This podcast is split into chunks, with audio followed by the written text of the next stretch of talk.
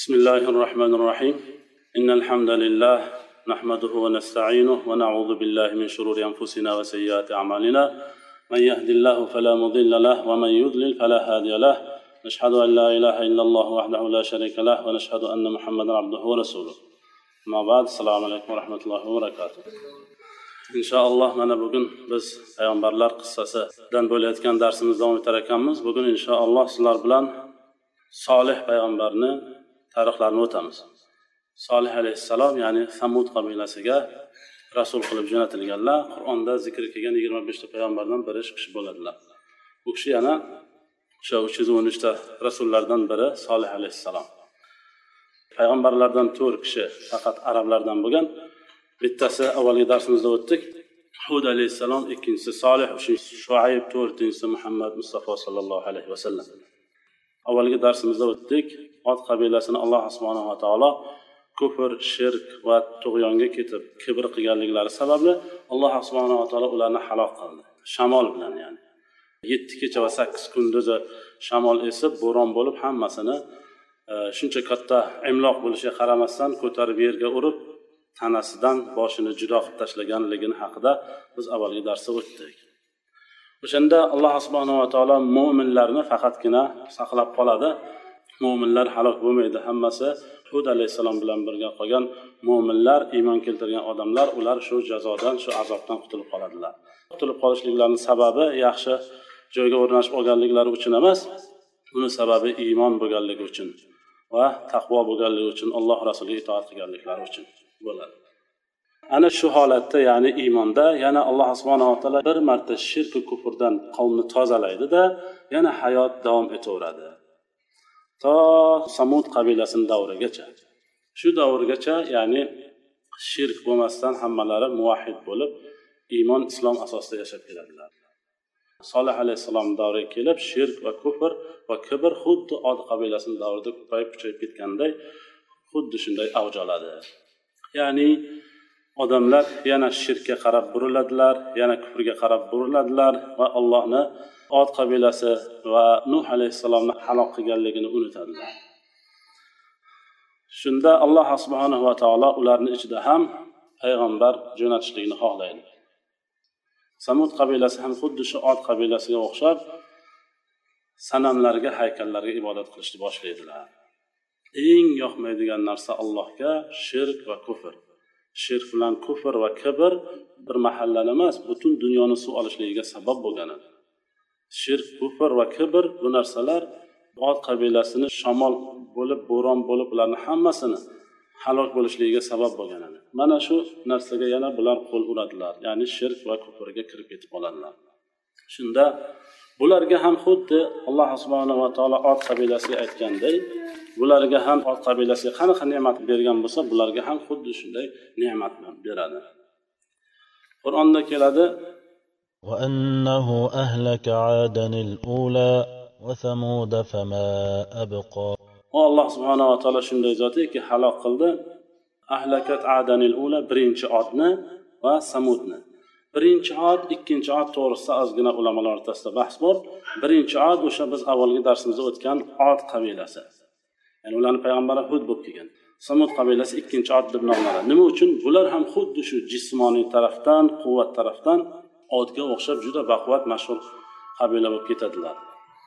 Ya'ni quvvatlari bilan mashhur bo'ladi o'sha davrda va taraqqiyoti bilan. Ularni aqllari dunyoda juda o'tkir bo'ladi. Hatto ot qabilasidan ko'ra ham aqlda o'tkir bo'lishadilar. Lekin din deganda ularni aqli yetmaydi bu narsaga. Toshni o'zi yasaydi yasayotgan paytda tosh unga bo'yin tovlamachilik qilib unga itoatsizlik qilmasdan itoat qilib turadi ya'ni. Itoat qilib turadi tosh unga lekin shularni yasab bo'lib yana o'sha toshga ibodat qiladilar. Alloh subhanava taolo insonni yerda xalifa qilib yaratdiyu shu xalifa o'zini qo'lini ostidagi toshga ibodat qilib ketadi ya'ni aqli juda yam tor bo'ladi din jihatidan. Shuning uchun alloh subhanava taolo ular uchun payg'ambarni ya'ni solih alayhissalomni rasul qilib jo'natadi. Solih alayhissalom u kishi solih abid o'g'li abid masih o'g'li masih abid o'g'li abid hojir o'g'li hojir samud o'g'li. Samud od farzandi od esa irom irom esa nuh o'g'li. Deb mana muarrixlar keltiryaptilar.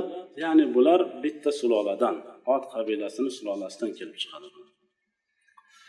Qur'onda kelyapti ashabul al mursalin haqiqatda hijr ashobi mursalin payg'ambarlarni yolg'onga chiqardi ya'ni avvalgi darslarimizda ham aytib o'tardik hijr ashoblari bular samud qabilasi bitta faqat solih payg'ambarni yolg'onga chiqarishiga qaramasdan alloh taolo aytyaptiki butun payg'ambarlarni yolg'onga chiqardi. Chunki bitta payg'ambarni yolg'onga chiqarish butun payg'ambarlarni yolg'onga chiqarish bilan barobar. Va alloh taolo mana bu yerda sifatlayapti. Samud qabilasi shunday ediki toshni o'yadigan odamlar edi bular. Ya'ni tog'ni o'yib shundan uy quradigan odamlar edi deb alloh taolo qur'onda isbotlayapti. Solih payg'ambar yoshliklarida judayam mashhur bo'ladilar o'zlarini mahallarida. Solih bir aqlli bir dono bir fikr yurg'izib ish tutadigan odam ekanliklari bilan mashhur bo'ladi. Hatto qavm aytadiki bu bola katta bo'lsa bir ajoyib bola bo'ladi ajoyib bir odam bo'ladi. Bu katta bo'lsa bir puldor odam bo'ladi bir mansabdor odam bo'ladi deb e'tiqod qilishar ekan. ya'ni bizani ichimizda ham shunaqa odamlar chiqadi deb fikr qilishar ekanlar lekin alloh subhanava taolo boshqacha bo'lishligini xohlaydi ya'ni u kishi rasul bo'lishligini xohlaydi qur'onda alloh taolo aytyaptiki وعادا وثمود وقد تبين لكم من مساكنهم وزين لهم الشيطان أعمالهم فصدهم عن السبيل وكانوا مستبصرين eslang od va samud qabilasini sizlar uchun ularning joylari qayerda ekanligi ma'lum hozir mana internetga youtubega kirsangiz od qabilasi madoini solih deb yozsangiz darhol chiqarib beradi. Ya'ni bu samud qabilasi yashab turgan joy madinadan uch yuz sakson kilometr g'arbiy tomonda joylashgan ekan. Ularning maskanlari sizlarga ma'lum deydi alloh taolo. Ularga shayton amallarini ziynatli qilib ko'rsatdi va ularni yo'ldan to'sdi. Va ular shuni bilib turib qilardilar. Ya'ni qilayotgan ishlari noto'g'ri ekanligini bilib turib solih alayhissalom aytsalar ham quloq solmasdan o'zlarini bilganlaridan qolmasdilar. Solih alayhissalom ularni nimaga da'vat qiladilar? Ularni tavhid al ulug'iyaga da'vat qiladi tavhidi rububiya hammada bor. Ot qabilasida ham bor samud qabilasida ham bor nuh alayhissalom davrida ham bo'lgan. Tavhidi rububiya allohni yaratuvchi ekanligini tan olishlik rizq beruvchi ekanligini tan olishlik bularda bor edi lekin buni o'zi kifoya qilmasdi. Payg'ambar alayhissalom davrlarida ham bo'lgan. Mushriklar deb sanalishgan chunki ular allohni rububiyatini tan olishlari kifoya qilmaganligi uchun. Shuning uchun ham alloh taolo qur'onda aytyaptiki samud qabilasiga o'z birodarlari ya'ni o'zlarini ichidan bo'lgan kishini ya'ni solihni biz rasul qilib jo'natdik. Allohga ibodat qilinglar deb ya'ni ollohni xoliq ekanligini tan olishliginglarni o'zi kifoya emas ibodatni boshlash kerak namozni o'qish kerak deb solih alayhissalom ularni xuddi boshqa payg'ambarlar kabi da'vat qilganliklari haqida alloh taolo bizlarga qur'onda bayon qilyapti. Solih payg'ambar u kishilarga ham eslatadilar. واذكروا إذ جعلكم خلفاء من بعد عاد وبوأكم في الأرض تتخذون من سهولها قصورا وتنحتون الجبال بيوتا فاذكروا آلاء الله ولا تعصوا في الأرض مفسدين إسليلا سلرنا الله سبحانه وتعالى عاد قبيلة استنكين يرني خليفة لارا قلب قويدة ya'ni samud qabilasi ot qabilasidan keyin xuddi oddaqa mashhur bo'lishadi. Jismonan quvvati bilan va o'zini shuhrati bilan mashhur bo'ladi. Shuni eslatyaptilar. Bu katta bir ne'mat allohni ne'matiki ot qabilasidan keyin sizlar xalifa bo'ldinglar yer kurrasiga. Va sizlarni yerda joylashtirdi. Uni katta tekislik topsanglar sizlar ham xuddi ot qabilasiga o'xshab qasr qurib olyapsizlar. Tog'larni o'yib undan uy yasayapsizlar. Shu darajada alloh taolo quvvat bergan sizlarga samud qabilasi toshga xuddi biz shamga qanday muomala qilsak shunaqa muomala qilishar ekan. Ya'ni oddiy narsa ekan uni yo'nish undan uy qurish hech narsa emas ekan.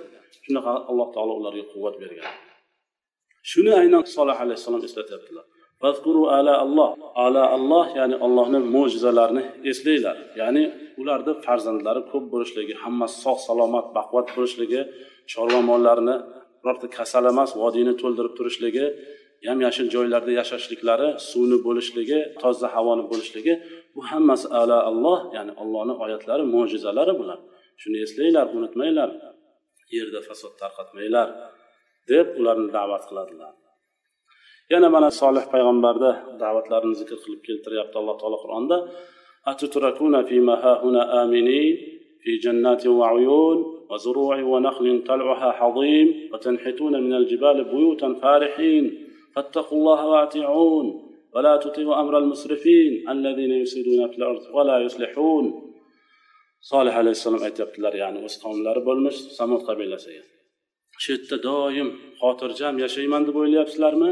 Bog'roqlarda chashmalar oldinglarda ekin tekinliklar bor xurmo daraxti bor talvaha hazim mevali daraxtlariki uni mevasi hazm bo'lishligi juda oddiy kechadi. Tog'lardan uylarni faxr qilib xursand bo'lib qurasizlar hech kim u yerda yashamaydi. Lag'u bilan mashg'ulsizlar. Allohdan taqvo qilmaysizlarmi? Manga itoat qilmaysizlarmi? Isrof ishiga yo'l qo'yadigan odamlarga ergashmanglar. Ya'ni ollohni ibodatidan boshqa joyga sarflangan vaqt bu isrof boshqa joyga sarflangan mol mulk hammasi isrof. Bu odamlarni ishiga itoat qilmanglar. Yerda fasod tarqatadigan va hech vaqt isloh qilmaydigan yerda shunaqa musriflarga itoat qilmanglar deb manga itoat qilinglar deb solih alayhissalom ularni da'vat qiladilar ular nima deyishadi javobiga قالوا يا صالح قد كنت فينا مرجوا قبل هذا أتنهانا أن نعبد ما يعبد آباؤنا وإننا لفي شك مما تدعون إليه مريب aytishadiki ey solih biz sani yaxshi bir odam bo'ladi kelajagi bor odam deb yoshligingda orzu umid qilib yurardik otang ham onang ham shuni orzu umid qilib yurardi mana shu gapingni aytishingdan oldin ya'ni qabla haza bu risolatdan oldin Atanhana an na'budu ma ya'budu ota bobolarimiz ibodat qilgan narsadan qaytaradigan bo'lib ketdingu san biz albatta shubhadamiz san da'vat qiladigan narsaga ishonmaymiz ya'ni. Qalbimizda shubha bor san yolg'onchisan san kazzobsan san musahharsan. Hatto qur'onda keltirilyapti qolu innama anta minal musahharin. San kimdir sani sehrlab qo'ygan va hokazo shunga o'xshagan tuhmatlar bilan tuhmat qilishadilar. Payg'ambarga payg'ambarni ro'barasida turib shu gapni gapirishlik uchun auzu billah alloh o'zi asrasin kofir mushrik bo'lsa keyin shu gapni aytishi mumkin. Boshqa bir oyatda kelyaptiki alloh taolo aytyapti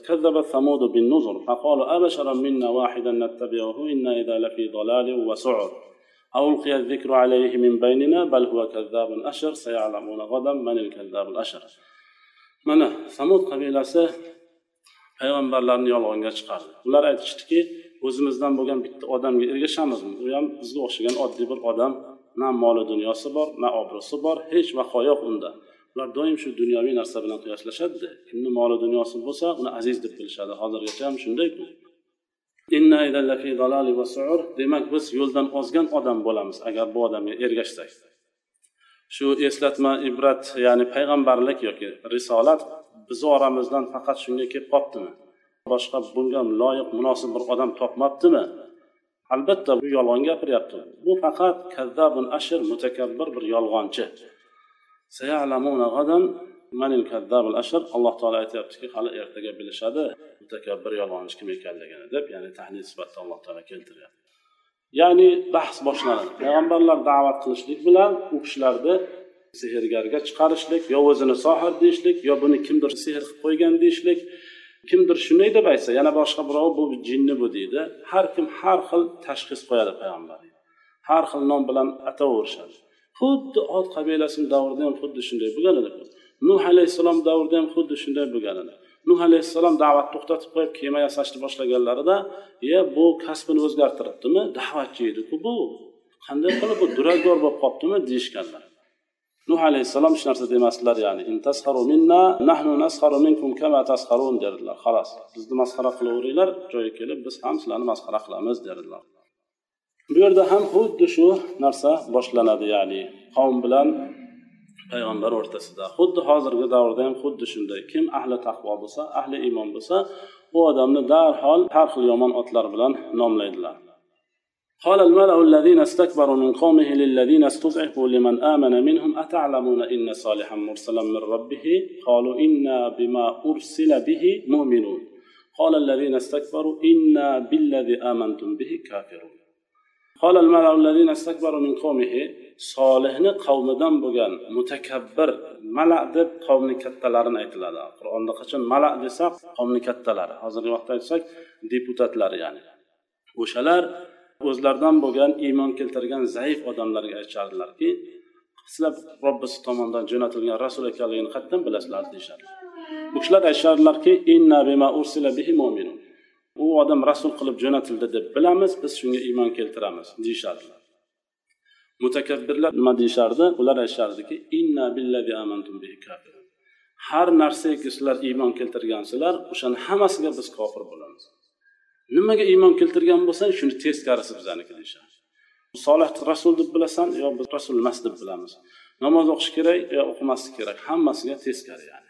Shunaqa gaplar aytgan ekanliklarini alloh taolo mana qur'onda aytyapti. Bu o'zlarini zararlariga hujjat bo'lganligini ko'rsatadi yana qanaqa bir musibat bo'ladigan bo'lsa shu davlatda qanaqa bir shu solih alayhissalom yashab turgan diyor samud qabilasida qanaqa bir musibat bo'ladigan bo'lsa darhol shu solih va u kishiga ergashganlarga nisbatlab qo'yaverishadi. Aytishardiki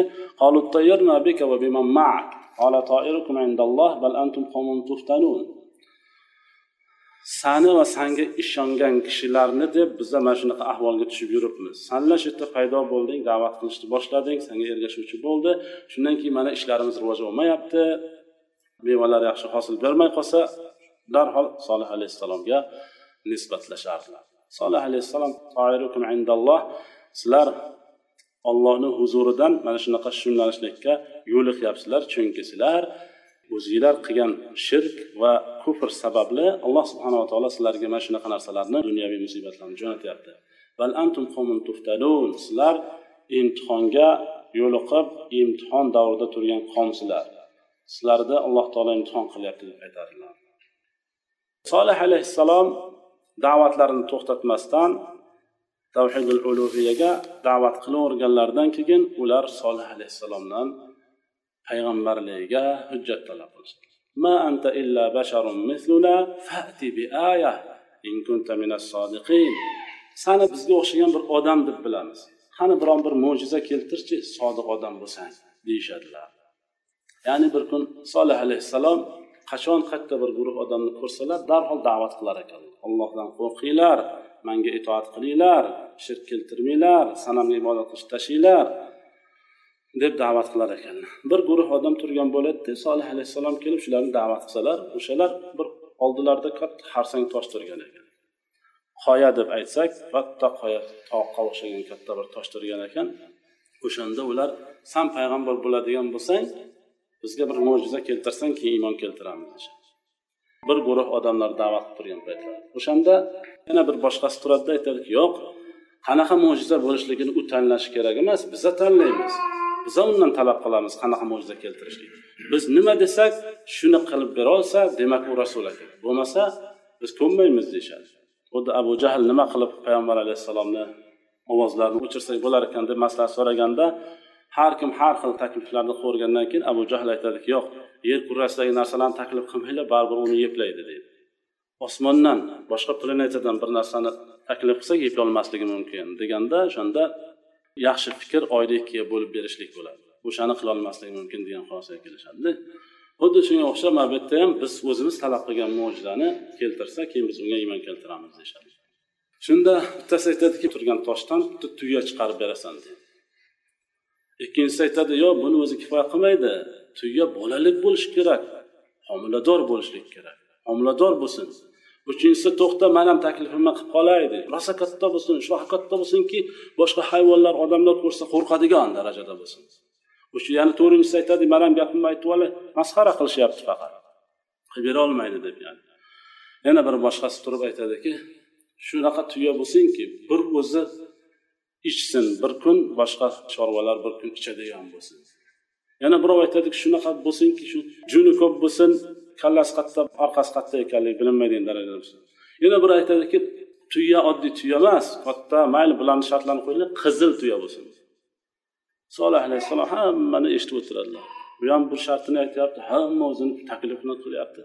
Solih alayhissalom aytadilarki ho'p alloh taolo yordami bilan shu narsa vujudga kelsa shu mo'jiza sodir bo'lsa iymon keltirasizlarmi desa ha deyishadi solih alayhissalom aytadilar ba'zi bir rivoyatlarda shu joyida duo qilib nima qiladilar? Ba'zi bir rivoyatlarda qavmni kattalari gap o'tadigan odamlar shu taklifni qilgandan keyin solih alayhissalom aytadilar bunaqada bir kunni kelishamiz o'sha kunga butun xalqni hammasini chaqirasizlar o'sha yerda man talab qilgan mo'jizalaringizni allohdan so'rab beraman. Shunda ular to'plashadi bir kunga kelishiladi o'sha kuni solih alayhissalom ikki rakat namoz o'qib duo qilib so'raydilar allohdan. Shu xalq qarab turadi oldilarida turgan katta tosh yer qimirlab zilzila bo'lib o'sha toshni orasidan tuya kelib chiqadi. Xuddi shular sifatlaganidek judayam bahaybat. Hatto ular aytishgan ediki biza mahallada unaqa katta tuya bo'lmasin deyishgan ularni mahallasida emas butun dunyoda unaqa katta tuya bo'lmaydi boshqa. To qiyomatgacha eng katta tuya ana shu solih alayhissalomni tuyalari ya'ni odam alayhissalom davrida ham bo'lmagan bunaqasi. O'shanaqa katta tuya xuddi ular sifatlaganidek chorva mollari ko'rsa hurkadigan bir o'zi bir kun ertadan kechgacha suv ichadigan o'sha homila qizil tuya xuddi shular sifatlaganidek chiqib keladi. O'shanda ular aytishadiki judayam o'tkir sehrgar ekan bu odam deyishadi. Lekin shu mo'jizadan keyin qom ikkiga bo'linib qoladi. Ba'zilar iymon keltiradi. Solih alayhissalomga ergashadiganlar ko'payib qoladi ya'ni. Bu narsa lekin atrofdagi kibarul qom qavmni kattalarini bezovta qilib boshlaydi. O'zimizda oq uyda o'tirganlarni kichkina narsa ham bezovta qilganday o'shanga o'xshab solih alayhissalomga ergashuvchilar ko'payib qolganligi ularni bezovta qiladi. Keyin shu mo'jiza paydo bo'lib ya'ni na otasi bor na onasi bor. Hamma hayvonlarni biz bilamizki ota onasi bor. Alloh taolo qur'onda aytadi naqatulloh ollohning tuyasi. Boshqa oyatlar keladiku kitobulloh allohning kitobi degan ruhulloh o'z ruhidan pufladi deganday alloh taolo naqatulloh deydi allohning tuyasi bu deb ya'ni solih alayhissalomni tiliga ko'ra bayon qiladi. ويا قوم هذه ناقة الله لكم آية فذروها تأكل في أرض الله ولا تمسوها بسوء فيأخذكم عذاب قريب ey qavm bilib qo'yinglar bu ollohni tuyasi ya sizlar uchun mo'jiza sifatida alloh taolo ota onasiz yaratib qo'ydi boshdan chiqarib oldi ollohni yerida o'tlab yaylovlarda ovqatini yeb suvini ichib yuraversin tegmanglar unga Yomon niyat bilan qo'l ko'tara ko'rmanglar. Ollohni azobi oladi sizlarni deb darhol ogohlantirdilar biladilar qavm yaxshi qavm emas. Biron narsa qilib qo'yishligi mumkinligidan darhol oldini olib ehtiyotini qilib qo'yadilar. Solih alayhissalom. Tuya yuradi shu mahallada shu samud qabilasini ichida lekin qavmni hammasini og'zida shu gap. Tuyani kattaligi uni yurishi uni turishi boshqa podalarni undan qo'rqishligi. hatto shu darajada bo'ladiki haqiqatdan ham suv ichishga kelsa o'sha hovuzga kelsa boshqa podalar qochib ketar ekan hammasi qo'rqishgan hatto boshqa tuyalar ham qochib ketar ekan shu bu narsa ularga yoqmaydi shuni ko'rgan solih alayhissalom aytadilarki darhol navbatdagi kun qilib qo'yadilar bugun tuya ichadi boshqa kuni sizlarni podanglar ichadi استعيذ بالله قال هذه ناقة لها شرب ولكم شرب يوم معلوم ولا تمسوها بسوء فيأخذكم عذاب يوم عظيم bu tuyani bir kun ichadigan kuni biz belgilaymiz va bir kun sizlarni boshqa podalaring ichadi deb yomonlik bilan tegmanglar olloh sizlarni azob bilan oladi deb ogohlantirib qo'yadilar yani. endi haqiqatdan ham tuya o'sha samud qabilasida orasida yuradida va biroz vaqt turgandan keyin tuya tug'adi uni bolasi ham onasini orqasidan ergashib yuradi إنا مرسل الناقة فتنة لهم فارتقبهم واصطبر ونبئهم أن الماء قسمة بينهم كل شرب محتضر biz tuyani ularga imtihon qilib jo'natdik fartaqibhum vastabir sabr qilib kuzatib boring xabar bering ularga suv ularni o'rtasida taqsimlanadi ya'ni alloh taolo o'zi vahiy qilib aytyaptiki bir kun tuya ichsin bir kun ularni podasi ichsin qo'rqadigan bo'lsa kullu shirbin muhtazar har bittasi ichishlik vaqti kelganda o'zi hozir bo'ladi. Shunday qilib qo'yadilar. Yana boshqa oyatlarda kelyapti. Ularga allohni rasuli aytdiki ollohning tuyasi ehtiyot bo'linglar va suqyaha ya'ni borib ichadigan joyiga ham ehtiyot bo'linglar. Ya'ni uni ichishlik uchun kun ajratib berilganku yana alloh taolo qur'onda aytyaptiki biz tuyani samud qabilasiga mubsira qilib berdik. Ya'ni tuya ekanligi ma'lum sehr emasligi ma'lum. Chunki o'sha tuyani navbati bo'lgan kunda tuya kelib ichar ekan bular suvni yig'ish olib qo'yishar ekan mol holiga. Ertasi kuni tuyani navbati bo'ladigan bo'lsa o'zini moliga chorva mollariga suvni ajratib olib qo'yar ekan hovuzdan. Chunki bir kun suv ichmasa bo'lmaydiku o'sha kuni tuyani sog'ar ekanlar. Tuya toqqa o'tlashga chiqib ketadida keyin suv ichishga keladi ertasi kuni. Kelganda bu tuyani sog'ar ekanlar. Tuyani sog'ib butun shu samud qabilasi tuyani sutidan foydalanishadi. Ya'ni alloh taolo mubsira deb aytishligini sababi shuki tuya ochiq tuya ekanligi ma'lum edi. Bu sehr emasligi ma'lum edi. Sutini ichyapti junidan foydalanyapti. Ya'ni mahallada yuribdi. Bir lahzadan keyin o'chib ketayotgani yo'q. Sehr bo'lsa shunaqa bo'lardi. Shuni alloh taolo aytyaptiki sutidan foydalanishar edi tuya bir kuni ertadan kechgacha o'zi ichadi. Hovuzga keladi. Hovuz suvini ichadi shu yerda yotadi. Yana turib suvini ichadi yotadi. Mana shunday. Samud qabilasini hammasiga yetar ekan suti endi o'zingiz tasavvur qilavering tuyani qanday katta ekanligini. Butun mahallaga avvalgi qabiladagi odamlar ham bizga o'xshab ikki yuz gramm sut ichmagan bo'lsa kerak allohu alam. Judayam katta odamlar bo'lgan. O'shaning uchun o'shalarga ham butun qabilaga yetadigan sut beradigan bir tuya bo'lgan ekanligini ana aytilyapti. Bir kuni bular bezor bo'lishadi alloh taoloni shu mo'jizasidan ya'ni qachongacha bu. Solihni tugasi keladi. U bir kun kutishimiz kerak. Biz uni bir yaxshi hayot kechirib turuvdik. Biror bir navbat ham yo'q edi. Molimizni qachon xohlasa shu vaqtda sug'orardik bu nima bu? Jonga tegdiku buni tuyasi bo'lib ham qachon kesib podalar qochadi hammasi hurkkan o'zlari talab qilgan bo'lmasa shu narsani. Kelinglar shundan xalos bo'laylik deyishadilar. Ya'ni bu tuyani o'ldirishlikka kelishadilar.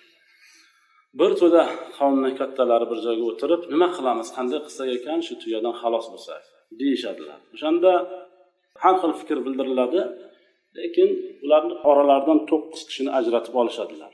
Xudor va uning sheriklari ya'ni biz tuyani o'ldiramiz shunga nima fikr bildirasizlar? Deb boshqa kishilarni so'rasa ular aytishadiki judayam yaxshi fikr tuyani o'ldirsakkina biz qutulamiz shundan deyishadilar. O'shanda bular kelishib o'zaro tuyani o'ldirishlikka qaror chiqqandan keyin kattalar tomonidan saroydan shu qaror chiqqandan keyin bular tuyani poylashadilar. Tuyani ichish navbati kelgan kuni ular o'sha yo'lda poylab tuya qayerdan tushib kelishligini tog'dan bilishar ekanda yo'lda kutib turishadilar. Qidor qudor yoki vallohu alam. Payg'ambar alayhissalom qudor haqida hadis aytadilarki ashqal avvalin deydilar avvalgilarni eng badbaxt odami o'sha edi qudor. Ollohni mo'jizasini o'ldirgan odam. Undan tashqari qur'onda aytiladiki o'sha ummatni eng badbaxti tuyaga qarab yurdi deydi alloh ya'ni qudor kutib turadida bir kun tuyani suv ichishga tushib kelayotgan paytida sakkiztasiga aytadiki boringlar hujum qilinglar tuyaga deydi. Bular kelishadi tuyani yaqinidan kelib ko'radiki judayam katta narsa ekan qo'rqishidan qaytib qochadi xudor kulib aytadiki sizlar qo'rqib ketdinglarmi tuyani oldiga borgandan keyin deydi. Man hozir ko'rsataman qanday qilib ag'darishga kerak ekanligini deb boradida o'zini shamshirini olib tuyani oyog'iga uradi. Bir necha marta urgandan keyin tuyani oyog'ini sindiradi. oyog'ini sindirgandan keyin tuya yiqilib tushadi yerga yiqilib tushgandan keyin ko'pchilik bo'lib hujum qilishadilar ag'darib olishib so'yishadilar tuyani solih alayhissalom xabarlari yo'q saydulloh qur'onda aytilyaptiki فعقروا الناقة وعتوا عن أمر ربهم وقالوا يا صالح ائتنا بما تعدنا إن كنت من المرسلين فعقروا الناقة tuyani aqr qildilar aqr qildilar ya'ni tuyani urib oyog'ini sindirdilar ya'ni qudor kelib urib sindiradi qolganlar sherik bo'ladi ag'darib olishadilar kallasini olib uni po'stlaydilar tuyani. Keyin bolasini orqasidan hujum qilib boshlaydilar. Bolasi qochadi bir tepalikka chiqib uch marta qattiq bo'kiradi tuya. Ya'ni bolasi qattiq bo'kiradida uni ham ag'darib oladilar uni ham so'yadilar. Olib kelib qozonga solib qovurib yeydilar tuyani allohni mo'jizasini. Bunga har joydan ovoza ko'tarilib hammaga yoyiladi butun xalq keladi tuyani bir go'shtini yeb ko'raylik deb har joydan kelib yeb ko'rishadi. Ya'ni hammasi sherik bo'ladi. Kim yegan bo'lsa tuyani demak u shu solih alayhissalom aytgan ediku ehtiyot bo'linglar ollohni tuyasiga tegmanglar deb. Shu gapga zid kelgan odam borib go'shtini yeydida borib go'shtini yegandan keyin bular aytishadiki endi tuyani o'ldirdik mana hech narsa bo'lgani yo'q. Hamma tinch omon tuyaga tegmanglar musibat azob yetadi. Mana tinch hamma yaxshi yashayaptiku aytamga shu navbat ham bo'lmaydi. Qachon xohlasa shu vaqtda chorvamollarimiz ham sug'oradigan imkoniyat ham tug'ilib qoldi. Hech narsa bo'lgani yo'q. Qani solih aytgan azob bu boshqasi deb aytishadilar. Aytishadiki mana tuyani o'ldirdik hech narsa bo'lgani yo'q. Kelinglar solihni o'zini ham o'ldiramiz. Shunda solih alayhissalom xabar topib qoladilarki tuyaga birga bo'lgan tuyani so'yishgan o'ldirishgan deb kelsalar haqiqatda tuya o'ldirilgan go'shtini to'rg'ashgan bolasini ham o'ldirishgan tuyani go'shtini yegan mana shu ahvolda qarasalar hammasi aroq ichib mast bo'lib yotganlari ham bor قالوا يا صالح ائتنا بما تعدنا إن كنت من المرسلين deyishadi solih alayhissalom kelib qolgan paytlarda shu voqeani ustiga aytadiki ey solih deydi va'da qilgan azobingni bizga olib kelgin San haqiqatda rasul bo'lsang qo'lingdan keladimi o'sha azobni olib kelish mana tuyangni ag'darib so'ydik go'shtini yedik bolasini ham o'ldirdik hech narsa bo'lgani yo'q olib kel azobingni deydilar boshqa oyatda kelyapti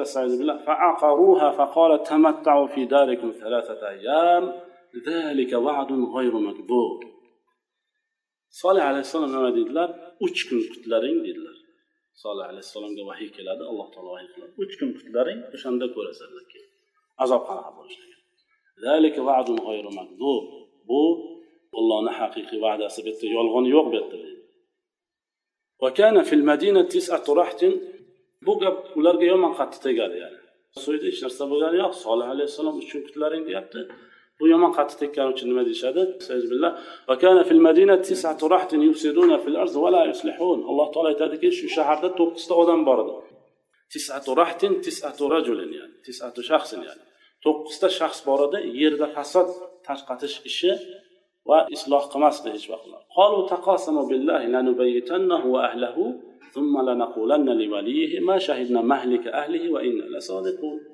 ومكروا مكرا ومكرنا مكرا وهم لا يشعرون فانظر كيف كان عاقبة مكرهم أنا دمرناهم وقومهم أجمعين o'zaro qasamyod qilishadilar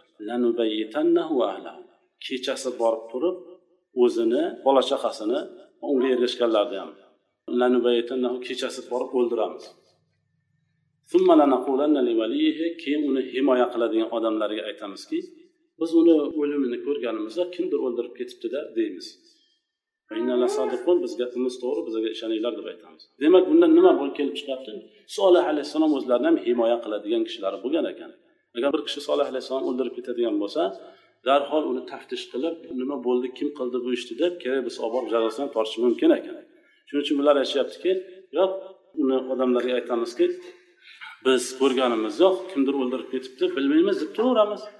Deb qasamyod qilishadilar. To'qqizta odam. Shuni bittasi qidor ham bo'ladi. Va avval tuyani o'ldirgan odamlar solihni ham o'ldiramiz deyishadi deb alloh taolo mana keltiryapti. Ular hiyla qildilar biz ham hiyla qildik. Vaholanki ular sezmagan holatlarida. Lekin alloh taoloni makkor degan sifati yo'q. Alloh taolo bu yerda aytyaptiki biz makr qildik deydi. Ulamolar aytadilarki bir kishi hiyla qilsa shuni evaziga shuni ziddiga siz makr qilsangiz bu haqiqiy hikmat lekin aslida bo'lmagan bu sifat ya'ni ular makr qilgan vaqtda alloh taolo makr qiladi yani. ana ular kechqurun borib solih alayhissalomni o'ldirishlikka borayotgan paytlarida shu to'qqiz kishi birinchi azob shular ekan. Solih alayhissalomni o'ldirishlik uchun borayotganlarida yer qimirlaydida tepalikdan. Endi biza bilmaymiz qanaqa joy ekanligini. O'sha toshlar tushib ketib tepasidan ya'ni jarni tagidan borayotgandir vallohu alam. Tosh ustiga tushib ketib hammasini o'ldiradi. Aynan to'qqizta odam hammasi halok bo'ladi ana endi solih alayhissalomga alloh taolo vahiy qiladiki bu joydan chiqib keting shu hijrdan chiqib ketishlikka alloh taolo vahiy qilgandan keyin solih alayhissalom hamma mo'minlarga xabar tarqatib kecha simirilib chiqib ketadilar hammalari uy joylaridan tashlab chiqib ketadilar. Ya'ni allohni azobi kelishligi haqida alloh taolo vahiy qilgandan keyin. Solih alayhissalomni qavmi alohida o'zib qoladi. Alloh taolo ularga bitta emas turli xil azob jo'natadi o'lishidan oldin yani. Birinchi kuniki solih alayhissalom ularga aytgan ediku uch kun kutlaring keyin sizlarni alloh taolo joninglarni uzadi deb aytgan edilarku o'sha uchta kunni birinchi kuni ertalab uyqusidan tursa hammasini basharasi sap sariq bo'lib qoladi sarg'ayib qoladi hammasi. Ular bilishadiki shu solih payg'ambarni aytgan va'dalari kelgan ekanligini solih alayhissalomniki o'ldirish olmadilar lekin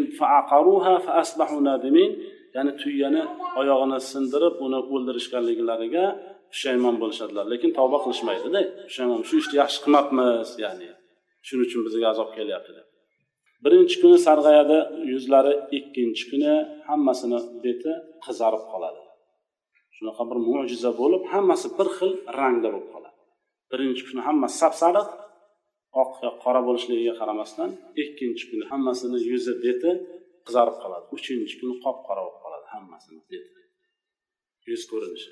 Shunda tushunishadiki solih alayhissalom azobi kelayotgan ekanligini. Uch kun ketma ket xuddi solih alayhissalom aytganday tamom hech iloj yo'q. Bilishadilarki allohni azobi kelyapti. Hammasi o'zini qabrini kovlaydi o'limini kutib turadi.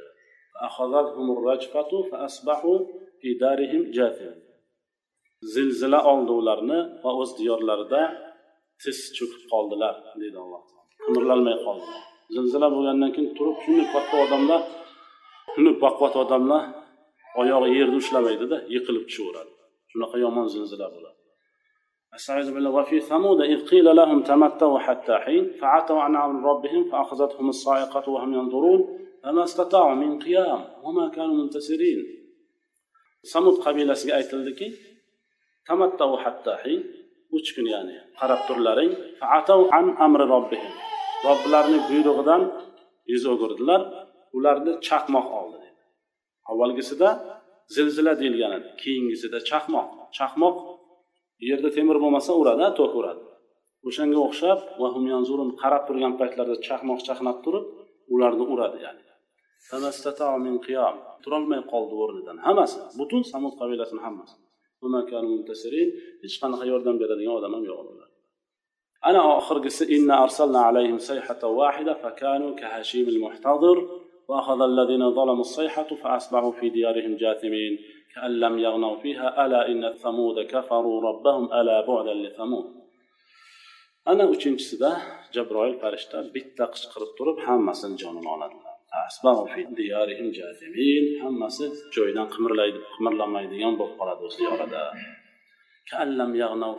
Xuddiki bu yerda hech kim bo'lmaganday samud qabilasi robbilariga kofir bo'ldilar samud qabilasi halok bo'lsin deb alloh taolo aytadi. Ya'ni hammasini bir qichqiriq bilan jonini oladi. Hatto o'zimizni hozirgi davrlarda ham ana tojikistonda bo'lgan voqeada qattiq qichqirishdi ba'zi kishilar. Yer o'sha qishloqni bosib qolishligidan oldin eshitganliklarini hikoya qilganliklarini o'zida eshitganmiz. Va bu yerda alloh taolo aytyaptiki alloh taolo bir askar jo'natmadi ular bilan jang qilishlik uchun hammasini halok qilishlik uchun. Bitta sayha xolos. Bitta qichqirgan jabroil farishta kim qichqirig'ini eshitgan bo'lsa hammasini joni uzildi. Qiyomatga yaqinlashaverib ham tutun kelib tutunni hidlagan mo'min odam vafot etganga o'xshagan bitta qichqiriqni eshitgan hammasini jonini alloh taolo o'zi oladi ya'ni mo'jiza bilan hammasini bir kunda jonini oladi فلما جاء أمرنا نجينا صالحا والذين آمنوا معه برحمة منا ومن خزي يومئذ إن ربك هو القوي العزيز bizda shu halok qilishlik to'g'risida buyrug'imiz kelgan paytda solihni qutqazib qoldik u bilan birgalikda bo'lgan mo'minlarni ham biz rahmatimizga qamrab olgan holatda o'sha kunni sharmandachiligidan ham qutqazib qoldik robbingiz aziz va baquvvat bo'lgan zotdir فتلك بيوتهم خاوية بما ظلموا إن في ذلك لآية لقوم يعلمون استعيذ بالله mana uylari xarob bo'lib yotibdi bo'm bo'sh hech kim yashamaydi mana shu mahallasida uylar qurilgan hammasi naqsh bilan bezalgan lekin hech kim yashamaydi u yerda hovillab yotibdi deydi alloh taolo nima sababdan o'zlariga zulm qildilar shu tuya sababli ketdida ular bundan ibratlar bor biladigan qavm uchun shuning uchun biz buni hikoya qilib belyapmiz keyingi qavmga deydi alloh taolo فتولى عنهم وقال يا قوم لقد أبلغتكم رسالة ربي ونصحت لكم ولكن لا تحبون الناصحين solih alayhissalom ular halok bo'lib bo'lgandan keyin alloh taolo ularni hammasini jonini olgandan keyin solih alayhissalom bir kelib ko'radilar hammasini hammasi o'lib yotibdi xuddi payg'ambar alayhissalom badr jangida qaraydilarku hammasi bilan gaplashadilarku ba'zilari bilan. Ha man robbim manga va'da qilgan narsani topdim. Ha sizlar ham robbinglar sizlarga va'da qilgan narsani topdinglarmi deydilar payg'ambar alayhissalom badr jangidan keyin. Shunda umar ibn hattob so'raydilarku o'liklar bilan gaplashyapsizmi? Yo rasululloh deb buni payg'ambar alayhissalom bular sizlardan ko'ra yaxshiroq eshitadi deydi.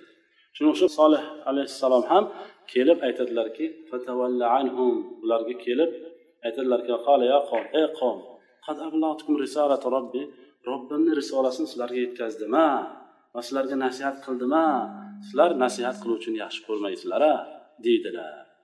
Solih alayhissalom va alloh ularni samud qabilasini halok qilgandan keyin bu diyorni shunday tashlab chiqib ketadilar. Solih alayhissalom va mo'minlar hammalari falastinga ko'chib ketadilar. Ramla degan shaharda yashaydilar. O'sha yerda solih alayhissalom vafot etadilar. Mana bu kibr qilib solih alayhissalomni gaplariga itoat qilmasdan kufrga ketib tug'yonga ketib shirk keltirgan odamlarni oqibatini alloh taolo mana shunday qilib hatto baquvvat bo'lsada dunyoni kuchi bilan boshqaratadigan quvvati bo'lsa ham alloh subhana taolo ularni halok qiladi. Bu yerdagi mo'minlarni allohni azobidan qutulib qolishligiga sabab iymoni va alloh va rasuliga itoat qilishligi bo'ladi. Demak inson quvvati bilan yoki bo'lmasa fikri yoki aqli bilan hech vaqt allohni azobidan qochib qutulolmaydi faqat alloh rahm qilsa iymoni va rasullarga itoat qilishligi bilangina bunaqa azoblardan saqlanib qolishligi mumkin ikki dunyoda dunyo va oxiratda. Keyingi darsimiz inshaalloh ulul azm payg'ambarlardan biri bo'lmish ibrohim alayhissalom to'g'risida o'qiymiz bugungi darsimiz shundan iborat ekan. Subhanakallohumma bihamdik ashhadu an la ilaha illa anta astag'firuka va atubu ilayk. Assalomu alaykum va rahmatullohi va barakatuh.